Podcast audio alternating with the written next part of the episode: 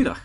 Het is vandaag zondag 18 januari 2015. Ik ben Jozef van Giel en dit is de 216e aflevering van deze podcast. Vandaag horen jullie weer een opname uit De Nacht van de Vrijdenker. Dit keer horen jullie de lezing van Farah Fokkaert. Farah doet aan de Universiteit van Gent onderzoek naar hoe de laatste inzichten in de werking van onze hersenen en de herkenning van verschillende neurologische en psychologische aandoeningen een invloed uitoefenen op de manier waarop we moeten omgaan met criminelen. Farah was al eens te horen op kritisch denken, in een discussieavond van het Denkgelag over vrije wil. Een link naar die aflevering heb ik in de notitiepagina geplakt. Net zoals de vorige aflevering is ook deze opname iets minder van kwaliteit, maar ik denk dat het nog altijd zeer goed verstaanbaar is. Ondertussen denk ik te weten hoe ik ervoor kan zorgen dat ook de opnames met dit toestelletje vergelijkbaar zijn met de opnames van mijn andere toestellen. Hier komt Farah Fokkaert. Goedenavond, beste mensen. Ongelooflijk welkom op deze nacht van de Vrijdenker. We hebben hier al een aantal uh, leuke lezingen gehad en nu nog de derde lezing van uh, Farah Fokkaert. Eerst nog een paar andere dingetjes. Hier beneden heb je een vrij podium. Uh, moest je zelf een zin hebben om mensen te trakteren op een filosofische gedachte, dan kun je daar uw gevoeg doen. Maar ook aan de andere kant van het gebouw uh, heb je, uh, kun je een filosofisch consult bijwonen. Misschien heb je daar behoefte aan, aan. Of uh, Socratische gesprekken voeren met Alex Klein. vragen leren, stellen, filosoferen en zo. Dus daar kun je ook terecht. Ehm, straks dan ehm, is er stand-up philosophy met Jean-Paul van Bendegem. En die zal instant reageren en antwoorden op al uw filosofische vragen.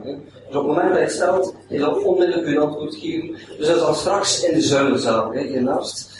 Um, ja, kijk, we gaan, ik ga niet te lang inleiding houden, want meestal zijn de sprekers interessanter dan de inleider. Maar um, Farah Fogar is ethicus. Ze werkt al enige jaren aan de Universiteit van Gent. Uh, ze geeft al enige jaren lessen ook aan de Universiteit van Gent, verschillende vakken. Um, maar ook uh, aan de HOWEST is ze gastprofessor. En deze avond zal ze het hebben over de vrije wil. Is die er? Hebben wij die? Hebben we die niet? En dan voornamelijk is dat relevant van hoe dat wij onze ja, criminelen behandelen en benaderen. Uh, moest het zijn dat je uh, vragen hebt of onmiddellijk bepaalde zaken niet begrijpt, mag je haar onderbreken, uh, dat is geen probleem. Maar eigenlijk nadien is er ook onmiddellijk een meet en greet met haar en dan kan je misschien op meer informele wijze haar een aantal vragen stellen, moest toch nog eventjes dieper willen gaan. Ik geef nu het woord aan Farah en de mensen die hier binnenkomen kunnen zich eerst rustig een gezellig plekje zoeken. Kom nog rustig bij. Je heeft nog niets te zien.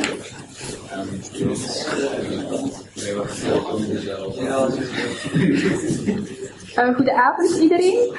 Werkt de micro? Nee? Maar toch iets of dichter. Hij werkt. Ja, hij werkt. Oké. Okay. Goedenavond iedereen. Uh, bedankt aan de organisatie om mij uit te nodigen. En bedankt aan jullie allemaal om hier zo talrijk aanwezig te zijn. Uh, ik ga vandaag praten over vrije wil, maar eigenlijk maar een heel klein beetje over vrije wil. Vooral over de behandeling van criminelen in onze samenleving. Wat ik een belangrijker vraagstuk vind dan het vraagstuk op zich naar hebben we al dan niet vrije wil. Oké, waar gaan we het over hebben vandaag? Um, ik ga u een kleine inleiding geven. Dan gaan we over naar vrijwilscepticisme en dat is de visie van filosoof Dirk Perenboom. En dan ga ik mij de vraag stellen aan jullie. De vraag stellen, hebben we nood aan vrije wil fictionalisme? Dus dat is eigenlijk doen alsof we vrije wil hebben. Dan gaan we over naar wat zou een rechtspraak zijn zonder schuld, dus zonder schuldnotie. En daar ga ik kort ingaan op de filosofie van uh, Mirjam van Rijen, ook een zeer boeiende filosoof van Nederland. En ga ik kort ook iets zeggen over neuro-interventies. En dat is eigenlijk het domein van mijn onderzoek, ethische vragen met betrekking tot neuro-interventies voor crimineel gedrag. Nu, de achtergrond van mijn, uh, mijn praatje gaat eigenlijk vooral vanuit um, hoe doen we het in België? En in België is het zo dat we doorgaans iedere persoon um, ofwel schuldig of onschuldig achten binnen de rechtspraak. Dus doorgaans is iedereen toerekeningsvatbaar. Tenzij er specifieke gronden zijn waarop we zeggen, kijk, een misdadiger kan er niet aan doen. Hè? En die specifieke gronden zijn vastgelegd in de wet. En voor de nieuwe interneringswet, die van kracht wordt in 2016, um, is het zo dat als iemand aan een geestesstoornis lijdt, die zijn oordeelsvermogen of de controle over zijn daden teniet doet of ernstig aantast, dan gaan we zeggen dat iemand eigenlijk niet meer schuldig of onschuldig kan geacht worden, maar is iemand ontoerekeningsvatbaar. Dus als iemand een bepaalde misdaad gesteld heeft, maar die persoon heeft een geestesstoornis die linkt aan die misdaad, en die, dus, die een oorzakelijk verband kan hebben naar die misdaad toe, dan gaan we iemand eigenlijk vrijstellen van uh, schuld. Nu is dat beter, je zou zeggen dat is meer moreel verantwoord hè, in dat geval, als er verzachtende omstandigheden zijn, maar is dat beter? Nu in de praktijk, in België, is het zeker niet zo dat de geïnterneerden het beter af hebben. Uh, op drie van de geïnterneerden zitten eigenlijk gewoon een gevangenisstraf uit uh, van onbepaalde duur. Dat wil zeggen dat iemand die geïnterneerd wordt, dus eigenlijk Um, één op de drie van die personen moet eigenlijk gewoon in de, in de gevangenis verblijven. Dus in plaats van aangepaste psychiatrische behandeling te krijgen, wat volgens de wet voorgeschreven is, omdat er geen plaats is, moeten die mensen gewoon naar de gevangenis. Het verschil met een gewone misdadiger, die bijvoorbeeld een paar diefstallen gepleegd heeft, is dat die persoon een beperkte straf heeft in de tijd. Dus die moet bijvoorbeeld vier jaar in de gevangenis zitten of twee jaar in de gevangenis zitten.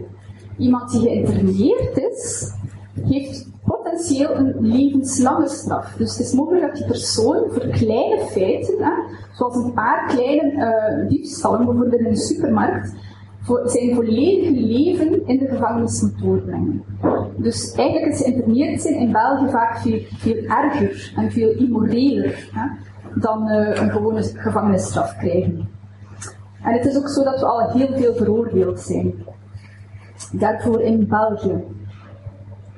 Dat is de achtergrond, maar de vraag die ik wil stellen aan jullie, die ik graag zou hebben dat jullie over nadenken ook, is de vraag, hebben we nood aan het idee van schuld in onze samenleving, in ons strafrecht?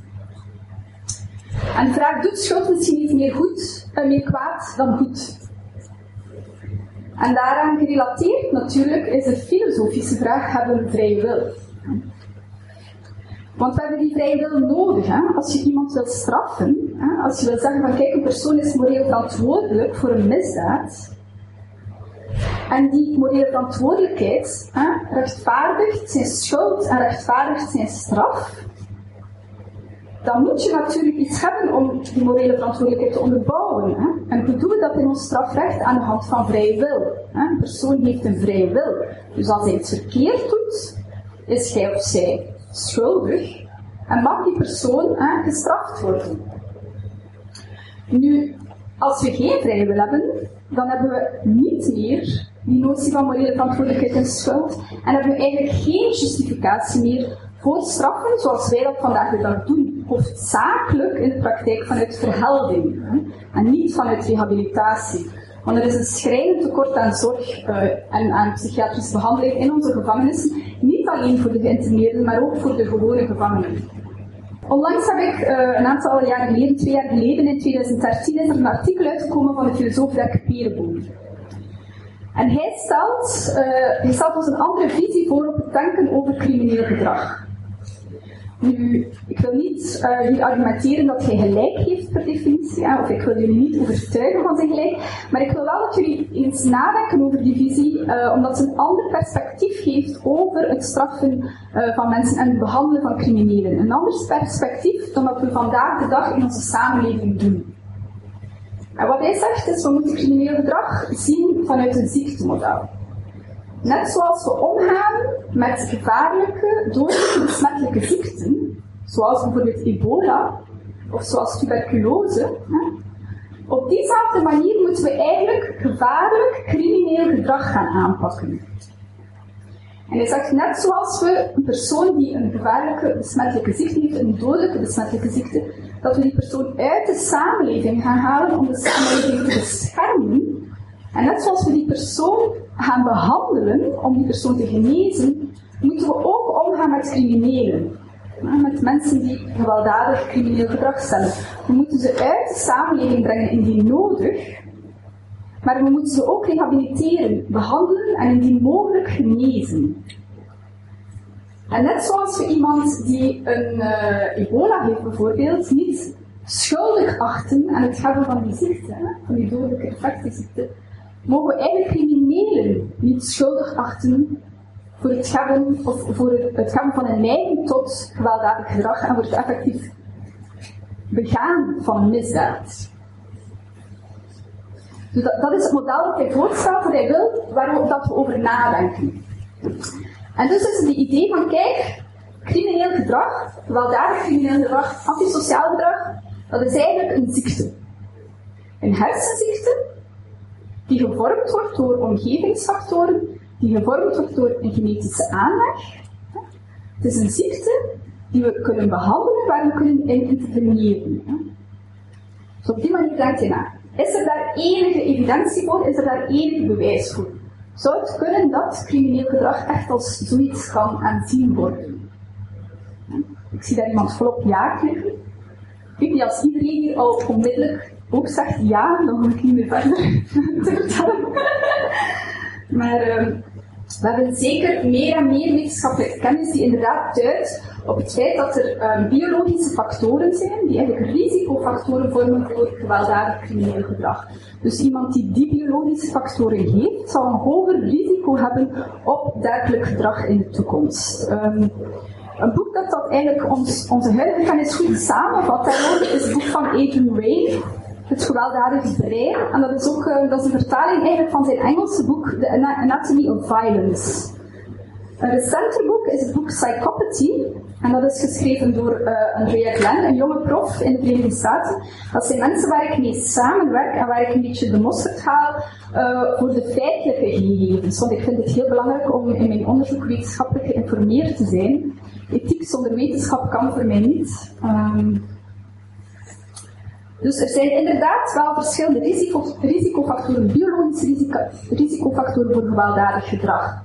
Natuurlijk ook omgevingsfactoren, hè, die sluiten we niet uit, totaal niet. Maar nee, die zijn er ook even, evenzeer. Maar kijken jullie nu eens naar, uh, naar die man hier. Die man noemt Mr. Oft. Mr. OFT. En, en wat zie je bij die man? Wat heeft hij in zijn hersenen? Een gezwel. Ja. Een zeer grote tumor. Hè? Een tumor de grootte van een sinaasappel. Jullie kennen misschien wel zo'n voorbeelden, um, maar dat is dus een man, hij was een schoolleraar. En ineens had eigenlijk een zeer goede uh, track record. Hij was een zeer goede leraar, altijd um, zeer uh, positieve respons. Hij was een aimabele man. Hè. Er was eigenlijk niets mis met zijn gedrag. En opeens begint die man uh, pornografisch materiaal te verzamelen. Kinderporno, begint te verzamelen. Zijn vrouw had dat ontdekt. Wat nadien volgde geleid aan, was dat hij zijn stiefdochter misbruikt had. Dus die man is aangehouden door de politie. Toen hij in voorhechtenis zat, um, waren er tekenen van neurologisch uitval. Dus hij wankelde en zo. Dus men dacht van, oei, uh, hij was incontinent geworden. Er is iets aan de hand met deze man. Ze hebben hem onderzocht. En wat bleek dus, hè, dat er een tumor, de grootte van een sinaasappel, in zijn hersenen zat. Dan is natuurlijk de vraag van, is jij verantwoordelijk voor zijn gedrag, of zou het kunnen zijn hè, dat die tumor bijdraagt? Ik weet niet of jullie daar... De meeste mensen die dit zien, denken van, kijk, ah, een deel van zijn, van zijn gedrag zal toch te verklaren zijn aan de hand van de tumor. Die tumor is weggesneden en zijn gedrag verdween. Hij stopte met pornografisch materiaal te verzamelen, hij stopte met eigenlijk mensen uh, onfatsoenlijk te benaderen en hij werd terug de gewone schoolleraar. Wat bleek een jaar later? Hij begon terug dat pornografisch materiaal te verzamelen en hij begon terug mensen lastig te vallen. Hij is opnieuw op de scanner geplaatst en jullie kunnen het al raden. De tumor was terug, inderdaad. Dat is natuurlijk een heel duidelijk voorbeeld hè, van hoe biologie invloed kan hebben hè, op ons gedrag. De, de waarschijnlijkheid dat het niet aan de tumor ligt, het kan nog altijd dat het niet aan de tumor ligt, maar hoogstwaarschijnlijk is er wel een link. Hè. Nu denk aan Kim de Helder. Daar hadden we dezelfde vraag in onze samenleving. Ligt het aan zijn hersenen? Um, ik heb met de radioloog gesproken die dat onderzoek gedaan heeft. En die man zei van, kijk, moest jij eenzelfde afwijking in zijn witte bloedlichaam hebben, hè? als je heeft in zijn hersenen op dit moment, dan was Kim de Helder gewoon dood. Dus de afwijking in zijn brein was echt wel zeer ernstig. Hè? Volgens die radioloog. Maar wat moeten we ons daar dan bij? Is dat belangrijk? Is dat, is dat relevant of niet? Is dat relevant voor vrije wil? Maar, maar is het zo dat er misschien andere mensen zijn die ook uh, zware belasting hebben? Uiteraard, ja. Ja. Uh, nu, correlatie, causatie, daar we gewoon te weinig kennis om daarover uh, een uitspraak te doen. Maar, dat is in het algemeen voorlopig nog maar prima. Ja, onze kennis is zeker te beperkt op dit moment in het algemeen. Uh, maar is het op zich relevant? Want inderdaad, er gaan zeker mensen zijn die een dergelijke tumor hebben hè, en die nooit uh, crimineel gedrag vertonen. Hè. Er gaan mensen zijn met hersenafwijkingen, gemiddeld gezien dat die persoon dan wel uh, een risicofactor heeft voor crimineel gedrag. Wil niet zeggen dat die persoon effectief crimineel gedrag zal vertonen. Hè. Dus dit soort kennis dat we hebben is absoluut geen zekerheid. Hè? Dat is absoluut geen één op één relatie. Uh, het is wel iets dat kan bijdragen aan, hè? het is een risicofactor. Maar het verschil met dit en wat Peerboom zegt, Peerboom zegt eigenlijk van kijk, we moeten ons echt niet de vraag stellen van ligt het aan die tumor of ligt het niet aan die tumor. Hij zegt gewoon van kijk, menselijk gedrag, alle menselijk gedrag, is het gevolg van factoren die daar invloed op hebben. Alle gedrag wordt gestuurd door onze, een combinatie van onze genetische aanleg en omgevingsfactoren, van alles wat we meegemaakt hebben. En dat is net zozeer bij een crimineel als dat is bij een gewoon individu. Allee, of niet-crimineel. Dus net zozeer als iemand die goed doet, zijn gedrag beïnvloed is door alles wat er voorheen zich afgespeeld heeft, is iemand die slecht doet, zijn of haar gedrag daardoor beïnvloed. Dus mensen zijn dan op zich niet verschillend. Hè? Dus dit onderzoek zegt ons eigenlijk niets over de schuldvraag op zich. Hè? Wat we zo graag willen, dat zegt ons daar niet over. Dit onderzoek is belangrijker voor iets anders, dit neurobiologisch onderzoek. Niet zozeer van is de persoon niet, maar wel voor wat kunnen we eraan doen als maatschappij. Als we weten dat niet alleen omgevingsfactoren, zoals armoede, verslaving en dergelijke meer, werkloosheid aanleiding geven tot criminaliteit, maar ook biologische factoren hè, kunnen aanleiding geven tot criminaliteit, moeten we dan ook niet inzetten op die biologische factoren en niet alleen op die uh, omgevingsfactoren. Dat is wat dat onderzoek ons kan bijbrengen, volgens mij. Nu, maar in de samenleving, en zeker vanuit strafrecht zoals we dat nu kennen, denken we wel in de zin van iemand heeft meer of minder vrijheid. Hè? Dus als iemand een bepaalde factor heeft, zoals misbruik in de kindertijd of um, een dergelijke tumor, hè, dan gaan we wel zeggen van kijk, er zijn verzachtende omstandigheden binnen ons rechtssysteem. En het is net daarom, Anders Breivik, die wou eigenlijk schuldig verklaard worden. Hè. Er zijn twee psychiatrische verslagen verschenen van hem, van twee uh, onafhankelijke uh, psychiaters. En de ene uh, groep, waren telkens twee psychiaters, de ene groep zei van kijk, hij is mentaal ziek, hij is psychotisch, schizofreen, daardoor heeft hij misdaad die misdaden gepleegd. Of het klinkt toch aan zijn misdaden. En de andere groep psychiaters zei hij is niet ziek. Hè? Hij is alleen paranoia, maar zeker niet in die mate dat het zou een verklaring kunnen bieden voor zijn crimineel gedrag. Nu, aangezien hij wordt schuldig uh, verklaard wordt, heeft hij geweigerd om een hersenscan te doen, eigenlijk. Hè?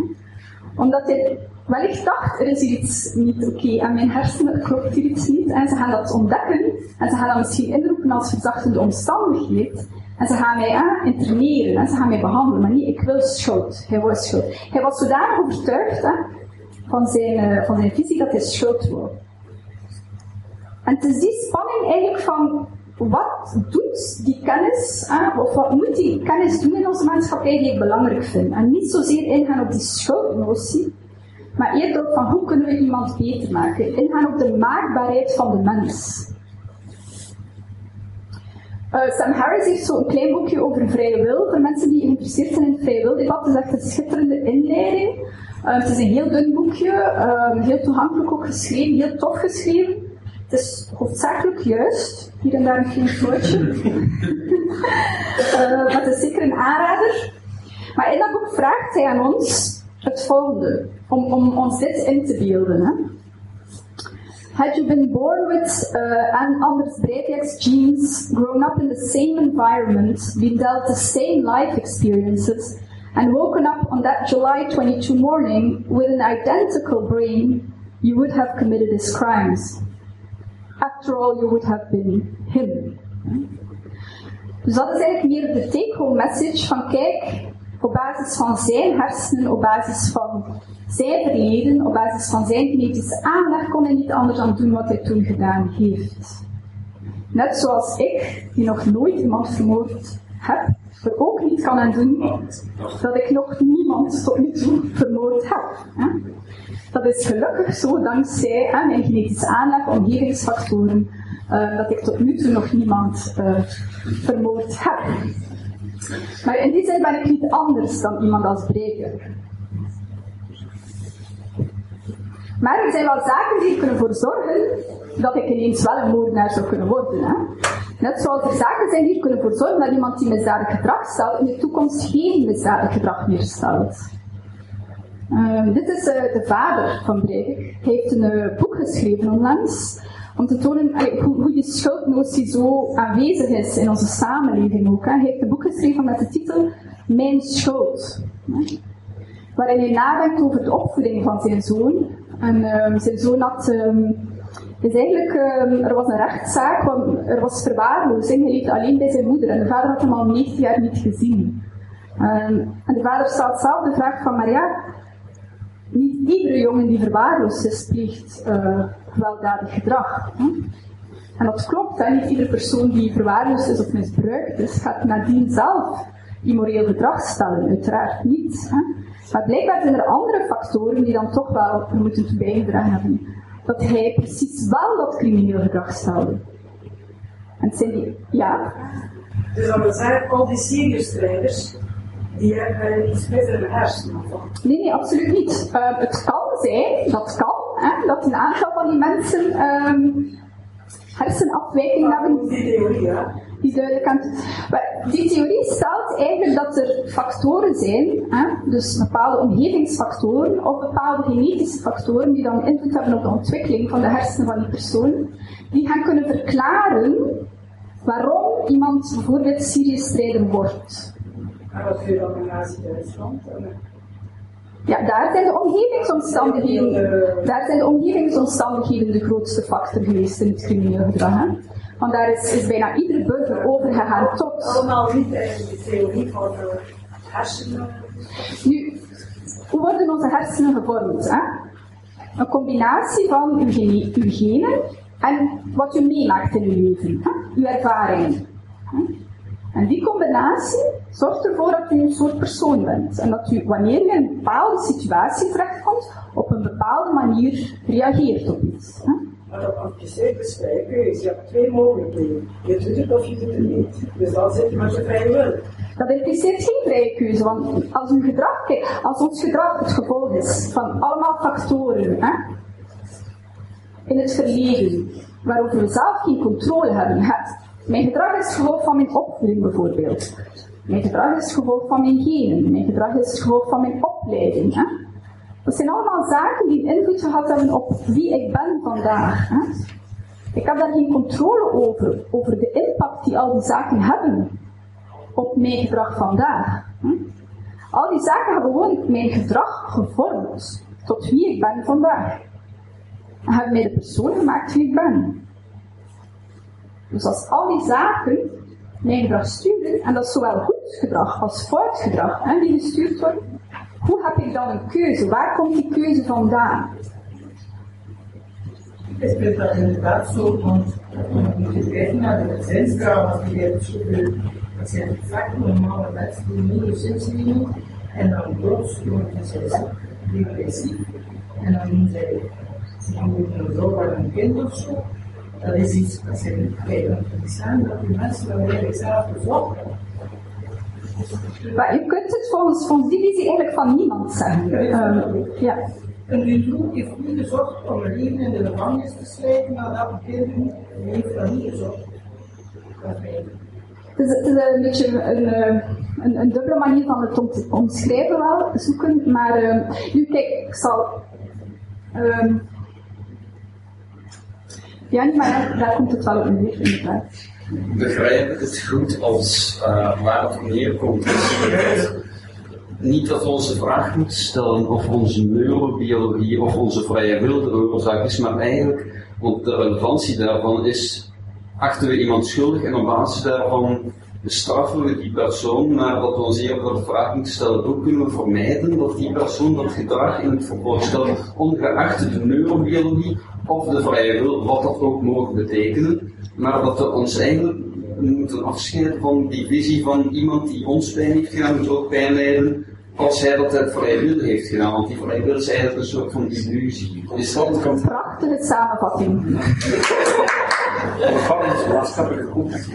Ja, nee, dat klopt. Inderdaad, is, is, we moeten kijken naar die neurobiologische kennis kan iets doen, hè? Maar, maar ze hoeft ons niets te zeggen over vrije wil of geen vrije wil. Maar ze kan ons inderdaad helpen in hoe kunnen we iemand beter maken, hoe kunnen we behandelen, hè? de maakbaarheid van de mens. En ik denk dat dat veel belangrijker is dan die pure vrije wilvraag. Ja, ik denk dat hoe verder dat de wetenschap vordert, dat we hier en hier tot de conclusie komen dat die vrije wil niet bestaat, of nog klein zou zijn voor degene die op zoek naar vrije wil. Maar ik zou graag hebben dat we daar nu van afstappen. Ja, we gaan verder gaan. Wat zijn de consequenties ja, inderdaad. in de maatschappij? Ja, ja. En wat ik wil, uh, wel nog aan toevoegen is, als we kijken naar onze wetenschappelijke theorieën vandaag, en als we die volgen, dan is er geen ruimte meer voor de vrijwillig. Dus als u van wetenschap houdt, dan gelooft u niet in de vrijwillig. Als u niet van wetenschap houdt, dan mag u de vrijwillig geloven. Uiteraard, ja, ja. Dat is wel, uh, ja? dat is wel een harde stelling. Uh, maar het is een correcte stelling. maar, maar Daniel Dennett houdt ook van wetenschap. Ja, ja, en ja. gelooft wel Ja, dus dat is een emotionele zaak. Hè? gelooft in uh, wat ik noem vrijheid. Hè? Gradaties van vrijheid. En mensen zijn meer of minder door een specifiek element beïnvloed. En dat geeft iemand meer of minder vrijheid. Nu, als ik, als ik in de gevangenis zit achter tralies, dan heb ik minder vrijheid dan als ik niet in de gevangenis zit. Hè? Als ik een hersentumor heb, dan heb ik minder vrijheid dan als ik die hersentumor niet heb. Maar heb ik vrij wil, dat staat daar los van. Ja, misschien kunnen verder gaan. Ja. Maar wat ik wel wil zeggen is van, als de schuld is de grootste schuld, en het feit dat iemand beseft van als ik een misdaad begaat, dat ik daar schuld voor had, Ja, is dat ook een belangrijke eigenschap. zeker. Ja, daar kom ik straks op. Ja, ja het geloof, de illusie van vrije wil, hè. het geloof in de vrije wil, vrije wil fictionalisme heeft dat voordelen. Hè. En daar tonen studies wel aan, hier en daar, dat het mogelijk voordelen heeft. Dus daar moeten we rekening mee houden. Ja, en zeker als een misdadiger gelooft dat hij zijn toekomstig gedrag kan veranderen, is heel belangrijk in het uh, begaan van nieuwe misdaden. Hè. Hoe meer iemand gelooft van, kijk, ik kan mijn toekomstig gedrag onder controle houden of veranderen, hoe meer iemand in staat zal zijn om echt uh, geen misdaden meer te stellen, hoe minder recidivisme we hebben. Hè. Dat is echt gecontroleerd met een controlegroep gevangenen die behandeld worden en de notie die, die hebben van, ik, kijk, ik heb, het, ik heb controle over mijn daden, die gaan minder recidiveren en minder opnieuw hervallen dan, dan gevangenen die echt zoiets hebben, maar ik kan er niet aan doen en ik heb geen vrije wil. Hè. Dus die idee is belangrijk. Daarom dat ik mij de vraag stel, en dat we onze vraag moeten stellen, hebben we nood aan vrijwillig fictionalisme. Hè? Doen alsof vrijwillig is. Want Perenboom die stelt echt van, kijk, we gooien het weg. Maar misschien is dat net te vlug. Ah, ja. Dus er zijn verschillende studies die ook wat toch ernstige uh, afwijkingen aantonen in de hersenen van mensen met crimineel gedrag. Uh, dit is een voorbeeld van een studie uh, in psychopaten die naar de amygdala kijkt, achteraan in de hersenen, uh, onderaan in de hersenen. En dat is eigenlijk het, um, een van de meest belangrijke emotiecentrums in onze hersenen. En dan blijkt dat eigenlijk een gemiddelde psychopaat in die studie 18% minder neuronen heeft en neuronale verbindingen in die amygdala vergeleken met een niet-psychopaat. Hm? Dat is redelijk wat, hè? 18% minder volume in dat hersengebied. Een hersengebied dat essentieel is voor moreel gedrag. En jammer genoeg zien we dat ook in adolescenten. Zowel bij kinderen als bij um, pubers eigenlijk zien we dat. Dat die amygdala steeds kleiner wordt. Hè? Dat is bij kinderen die gedragsstoornis hebben. Hè? Bij conductezorg, hè? dan zien we eigenlijk dat er een correlatie is dat die amygdala kleiner is. Kleiner wordt? Maar ze wordt kleiner. Niet geactiveerd, dus dat noodzakelijk was. Um, ja, dus bij psychopathie, een van de belangrijke theorieën is dat um, de ontwikkeling van moreel gedrag, dat die zich niet vol, voltooit. Hè?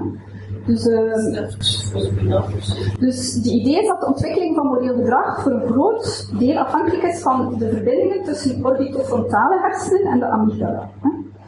En die verbindingen blijkbaar worden niet gelegd, worden niet geconsolideerd in de mate uh, zoals dat gebeurt bij normale kinderen, bij kinderen met psychopathische kenmerken. Dus terwijl normale kinderen door geen opvoeding eigenlijk leren om zich moreel te gedragen en die verbindingen eigenlijk um, tot stand komen, zie je dat bij kinderen met psychopathische kenmerken dat dat veel minder is of niet is.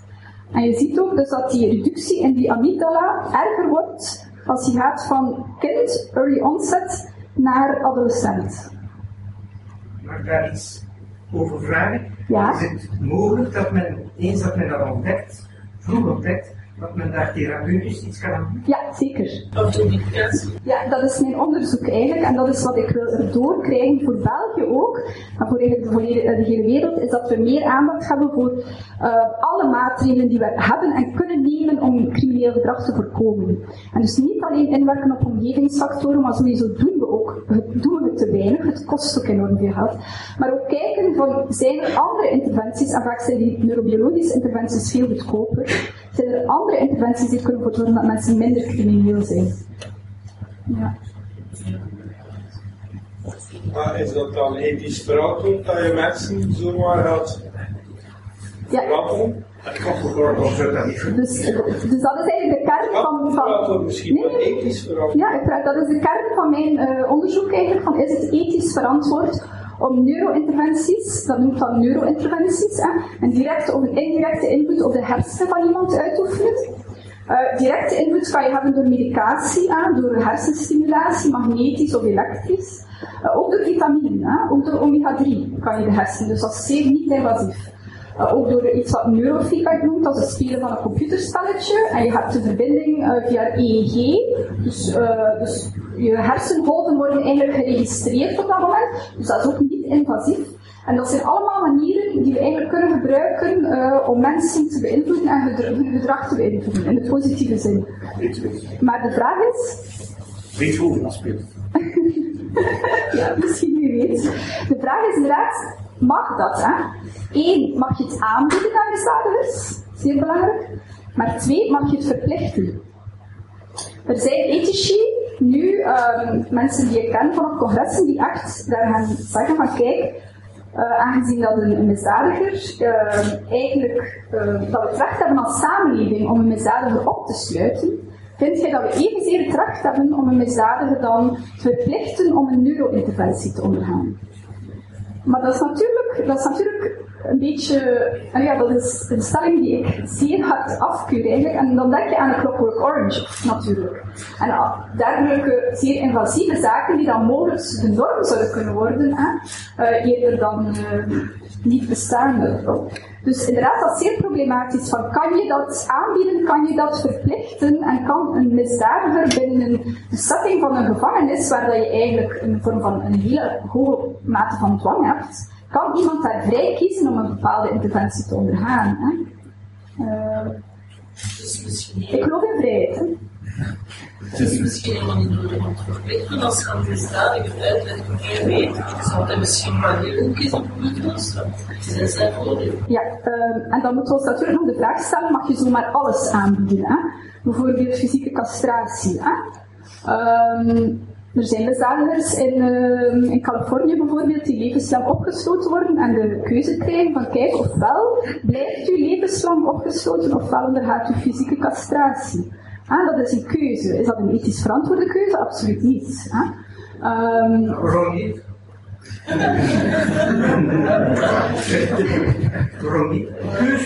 Ja, dus, ja, ja, ja. Dus, dus een, ehm, een keuze kan ethisch verantwoord zijn als het effectief een keuze is.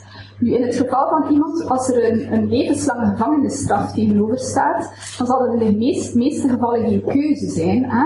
Vanuit die persoon zal hij een dwang ervaren, om, dus zal hij eigenlijk. Ik zal het voorbeeld geven van de, de Czech Republic. Hè? Daar heeft de commissie uit die bescherming van foltering een, eigenlijk, eh, verschil, een rapport op gemaakt. Want dan waren er mensen die vastzaten voor eh, seksuele misdaden. En, uh, maar het probleem was dat dat ging van zeer, zeer kleine zaken tot zeer ernstige zaken. Er waren daar mensen bij bijvoorbeeld die enkel exhibitionisme gedaan hadden, hè, die enkel af en toe hè, uh, jas open gedaan hadden. Uh, Oké, niet, niet, niet goed, maar niet extreem problematisch. Wat is er daar gebeurd, is eigenlijk dat, omdat ze daar zo hard um, reageren of zo hard um, op, op, ja, zo strenge maatregelen zetten tegenover seksueel, um, seksueel fout gedrag, um, is het zo dat al die mensen levenslang opgesloten worden. Van zodra u één, ja. En dan krijgen al die mensen de mogelijkheid tot fysieke castratie. Dus dat wil zeggen dat iemand die puur aan je exhibitionisme gedaan heeft, de keuze krijgt tussen u wordt levenslang opgesloten of fysieke castratie. Nu, die mensen doen vrijwel allemaal die fysieke castratie. Dat rapport is gebeurd. Achteraf zegt niemand van die personen dat ze eigenlijk die operatie wilden, dat ze eigenlijk beseften wat die operatie inhield. Dus het is wel belangrijk als je wilt dat iets ethisch verantwoord aangeboden wordt, hè, dat het geen vorm van dwang is. Dus dat het alternatief niet mensonwaardig is. Want als het alternatief mensonwaardig is, hè, en dus levenslang opgesloten voor exhibitionisme is mensonwaardig, dan kan je onmogelijk stellen dat iets aanbieden ethisch verantwoord is. Dat, heeft, dat zijn twee dingen die je door elkaar haalt nu. Want dat is dus eigenlijk uh, een proces maken van onze maatschappij die, ja. die ernstig is. Hè. Ja, ja, wij zijn verkeerd bezig. Ja, ja. Maar is de oplossing dan aanbieden van neurointerventies die zeer invasief zijn, waarbij mensen eigenlijk niet echt een keuze gaan voelen, maar zich echt verplicht gaan voelen om die interventie te ondergaan? Je moet weten, uh, fysieke castratie heeft zeer veel neveneffecten. Hè? Dat heeft mijn neveneffecten. Je moet castreren, ik zeg dat niet. Nee, maar is het ethisch verantwoord om het aan te bieden? Ik denk dat dat zeer problematisch is. Voor een lichte straf niet. Waarom niet? Uiteindelijk is het alleen maar een seksuele vrijheid die belemmerd wordt, niet de mentale vrijheid. Nee, dat, dat klopt dus niet. Uh, dat klopt niet. Nee, uw volledige persoon, dus uw testosteron, hè, bij man dus, ja, wordt de testosteron teruggebracht tot de prepuberteit. Dus dat wil zeggen dat alle lust hè, voor afwijkend seksueel gedrag maar ook voor normaal seksueel gedrag verdwijnt. Heel veel van die mensen, dus, dus al uw seksuele ervaring verdwijnt. Heel veel van die mensen worden depressief. Uh, heel veel van die mensen ontwikkelen bijvoorbeeld borstweefsel, worden heel veel dikker. Uh, en het ergste van al is osteoporose. En het is, uh, wanneer je langer dan vijf jaar die medicatie neemt, in veel gevallen irreversibel. Ook dergelijke personen kunnen geen kinderen meer maken. Chemische castratie wel, maar fysieke castratie niet. Maar dus chemische castratie, verplichte chemische castratie, is een zeer ingrijpende maatregel die je niet zomaar aan iemand kan of mag opleggen vanuit mijn standpunt. Hè. Dat is vanuit mijn standpunt. Moet ik vragen beantwoorden of verder gaan? Ja, ja, ja. ja. Sorry, ik ga verder gaan. Dus dan komen we tot dit uh, modelletje, waarbij dat dus eigenlijk crimineel gedrag aan kan gesteld worden um, dat ongeveer 50% uh, ligt aan onze genen en ongeveer 50% aan de omgeving. Dus zowel genen als omgeving werken in op onze hersenen, hersenen, op de ontwikkeling van onze hersenen en de functionering van onze hersenen. En dat kan dan bij sommige individuen leiden tot antisociaal gedrag. En wat we dan kunnen doen, is natuurlijk inwerken op die omgeving. Maar wat we ook kunnen doen is aan neurointerventie doen. Wat ik daar juist zei. En er is zo'n man uh, die... Ook op de antisociale gedrag werken. We worden ook vaak vergeten. Zoals dat vroeger homoseksualiteit niet toelaten, kunnen we daar ook op inwerken. Op homoseksualiteit inwerken? Ah nee, dat, dat, dat is antisociaal gezien wordt. Uh, maar... We hebben hier werkgebied namelijk geen verenigingen met alle expressie ben niet ongeconcurreerd Oké, ik ben eigenlijk gewoon van heel interactief lesgegeven normaal, dus ik vind dat wel leuk, maar ik ga nu geen vragen meer nemen. Ja, dat is waar, dat is niet tof voor u. Dus ik ga geen uh, vragen meer nemen, ik ga gewoon verder doen. Ah, dus sorry, de vragen na de lezing. Oké. Okay. Uh, Ah ja, dus dit is een film. Ik ben naar het gaan. Dit kan u thuis eens bekijken als u mij een mail stuurt. Uh, dit is een filmpje over een man die dus 150 kinderen onder de scanner gelegd heeft die antisociale persoonlijkheidsstoornis uh, hebben.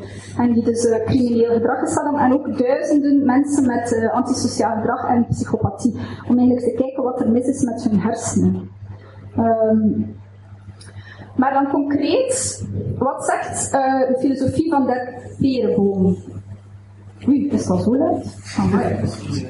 Oh, verschrikkelijk. Oké, okay, misschien moet ik gewoon overgaan naar de neurointerventie. Dat is iets heel interessanter voor jullie. Hè? Amai, is dat zo luid? Oeh. Ja. ja, wacht, ik ga hier. Dus, dus wat Peerboom zegt, heb ik allemaal al gezegd. Oei, Oké. Maar wat kan je daartegen inbrengen? Dus de overtuiging dat wij als mens controle hebben over onze toekomstige daden en dat wij in staat zijn met behandeling om onze toekomst anders te laten verlopen, draagt bij tot minder recidivisme. Hè? Wat ik daar juist al zei. Dus misschien moeten we wel in vrije geloven. Hè? Is het wel goed om in vrije te geloven? Maar dan kan je een vraag stellen, is het dus zo dat vrije wil is en dat we er moeten in geloven, of is geloof in de maakbaarheid van de mens voldoende? Hè?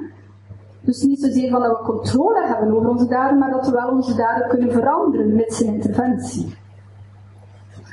Daartegenover staat er dan terug dat verschillende studies aantonen dat mensen zich moreler gedragen wanneer ze in vrije wil geloven. Dat is wel heel belangrijk. Het is wel binnen een experimentele setting. Maar bijvoorbeeld deze situatie, hè? Als je iemand die gevallen is gaat helpen, of als je iemand die gevallen is gewoon laat liggen en voorbij wandelt. Hè? Wat blijkt hè, in een experimentele setting, uh, studenten die net uh, een tekst gelezen hebben waarin staat hè, dat de wetenschap aantoont dat er geen vrije wil is, hè? en die komen dan buiten en die zien daar een, een oud vrouwtje die, die gevallen is, hè, dat is allemaal zo opgezet. De jongeren die dus dan eigenlijk die tekst lezen dat er geen vrij is, gaan meer voorbij lopen en die, die vrouw minder helpen dan de jongeren die net een tekst gelezen hebben dat vrije wil bestaat. Dus geloven in vrije wil leidt ertoe dat je anderen helpt. Of toch vijf minuten nadat je die tekst gelezen hebt. Ja. En er zijn zo verschillende studies gedaan, hè? verschillende studies die eigenlijk aantonen dat geloven in vrije wil leidt tot moreel gedrag hè? en het helpen van anderen, hè? zoals donaties geven.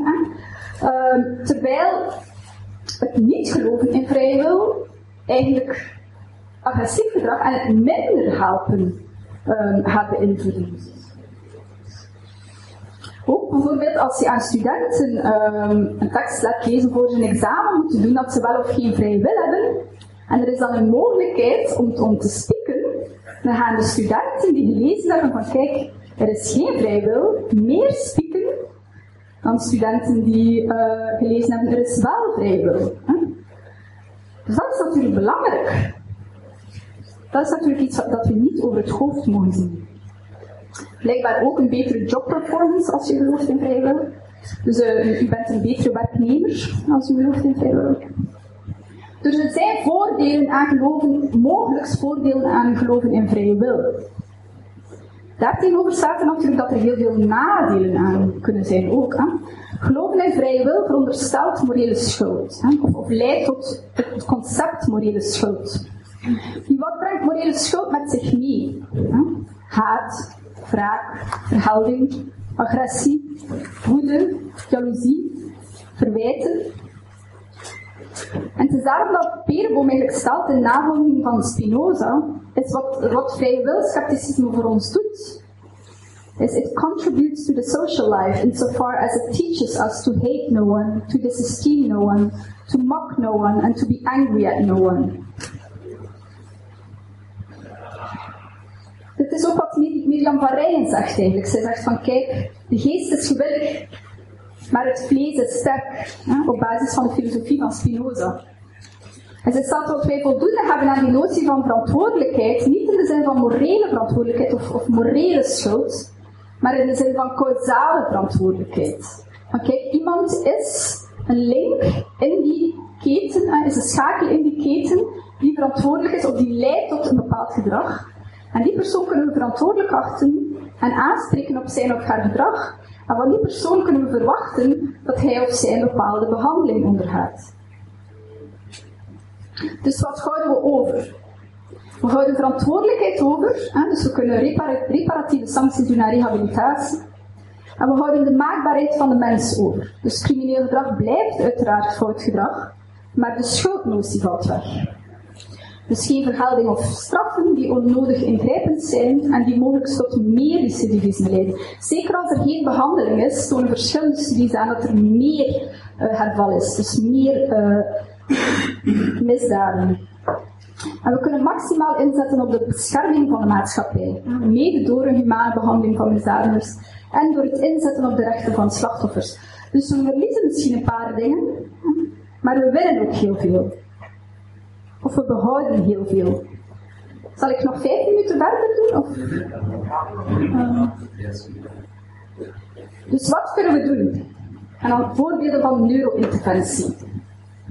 Dit zijn een aantal voorbeelden: voedingssupplementen, medicatie, hormoontherapie, neurofeedback, hersentraining, magnetische hersenstimulatie.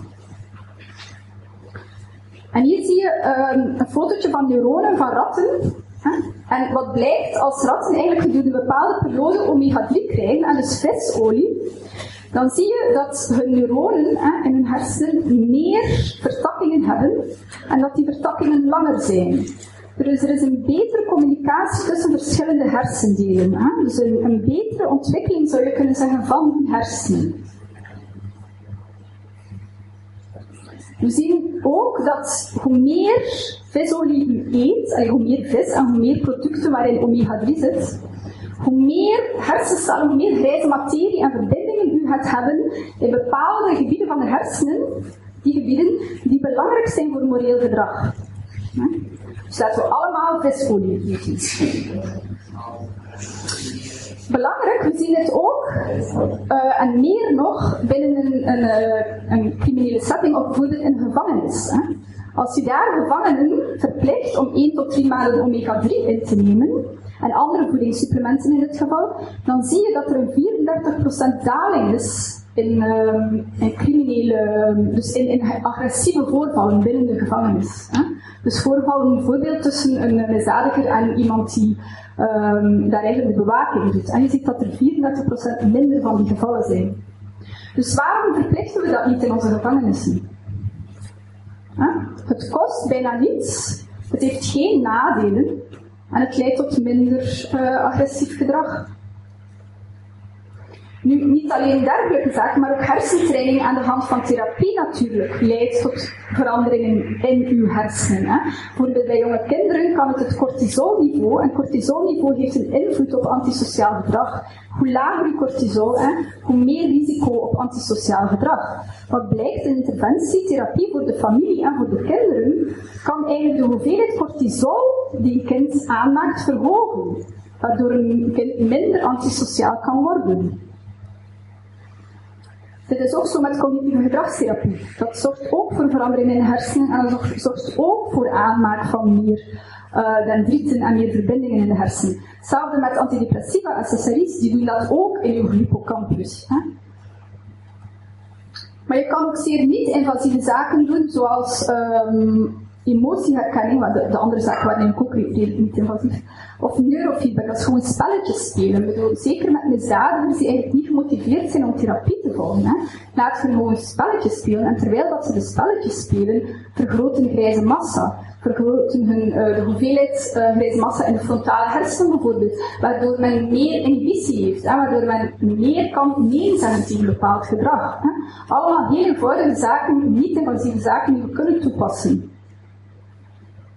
En dan de vragen die we ons daarbij moeten stellen, en de vragen die ik mij daarbij stel, is het ethisch verantwoord om die neurointerventies aan te bieden als alternatief voor incarceratie of strafvermindering?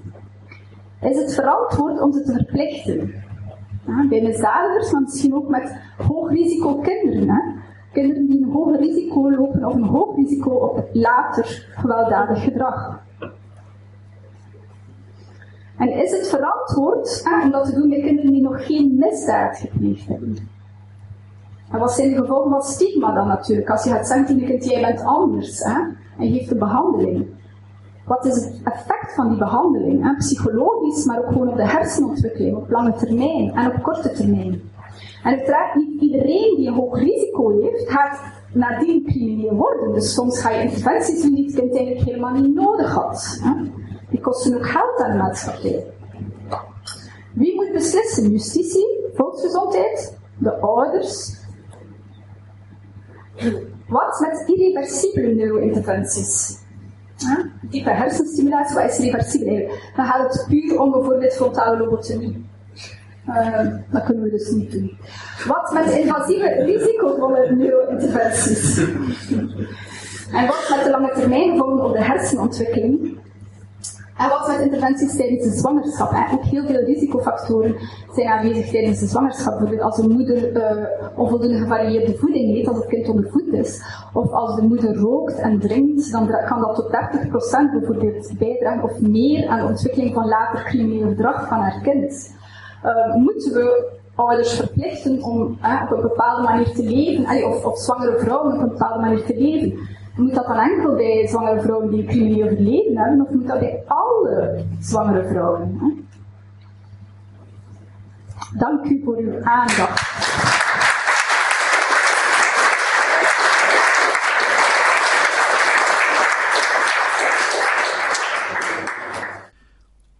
En wat denken jullie over de ideeën van Farah Fokkaert om ons rechtssysteem aan te passen op basis van deze inzichten?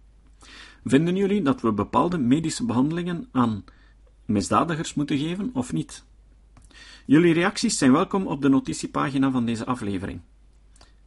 Dat was de laatste opname van De Nacht van de Vrijdenker. De volgende keer horen jullie een opname van Het Denkgelach, van aap tot robot. Het citaat. Het citaat van vandaag is van Alan Turing. Alan Turing was een grote wiskundige, computerexpert en oorlogsheld. Turing stond samen met von Neumann aan de wieg van de moderne computerarchitectuur. Hij staat bekend om de zogenaamde Turing-test, een test om te bepalen of een machine intelligent is. Vereenvoudigd uitgelegd bestaat de test erin dat je een proefpersoon achter een toetsenbord en scherm zet en via die weg laat communiceren met iets of iemand. Als hij niet in staat is om vast te stellen of de andere partij een persoon of een machine is, dan is de test geslaagd. Turing was ook een held omdat hij tijdens de Tweede Wereldoorlog de geheime Enigma-code van de Duitsers kon kraken, wat een cruciale stap was in de overwinning van de geallieerden. De reden waarom ik Turing hier wil citeren is dat Farah over chemische castratie sprak.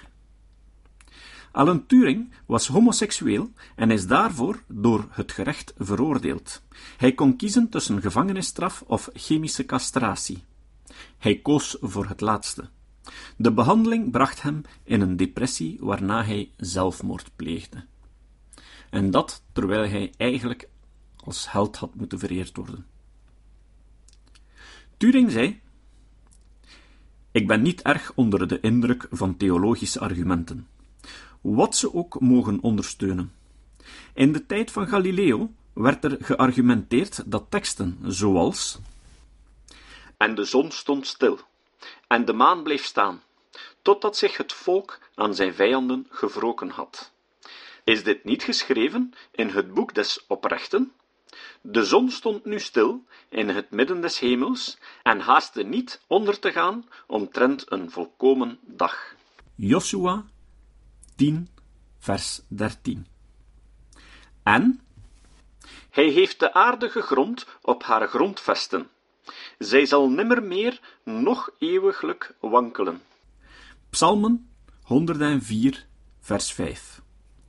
Een weerlegging waren van de Copernicaanse theorie. Tot de volgende keer. Deze podcast is het resultaat van het werk van veel mensen. Rick de Laat verbetert bijna al mijn teksten en maakt de meeste vertalingen. Emiel Dingemans verzorgt onze website en Facebookpagina. Ook Leon Korteweg en Stefan Sutens schrijven, vertalen of verbeteren soms artikelen. Leon onderhoudt bovendien het YouTube-kanaal van deze podcast.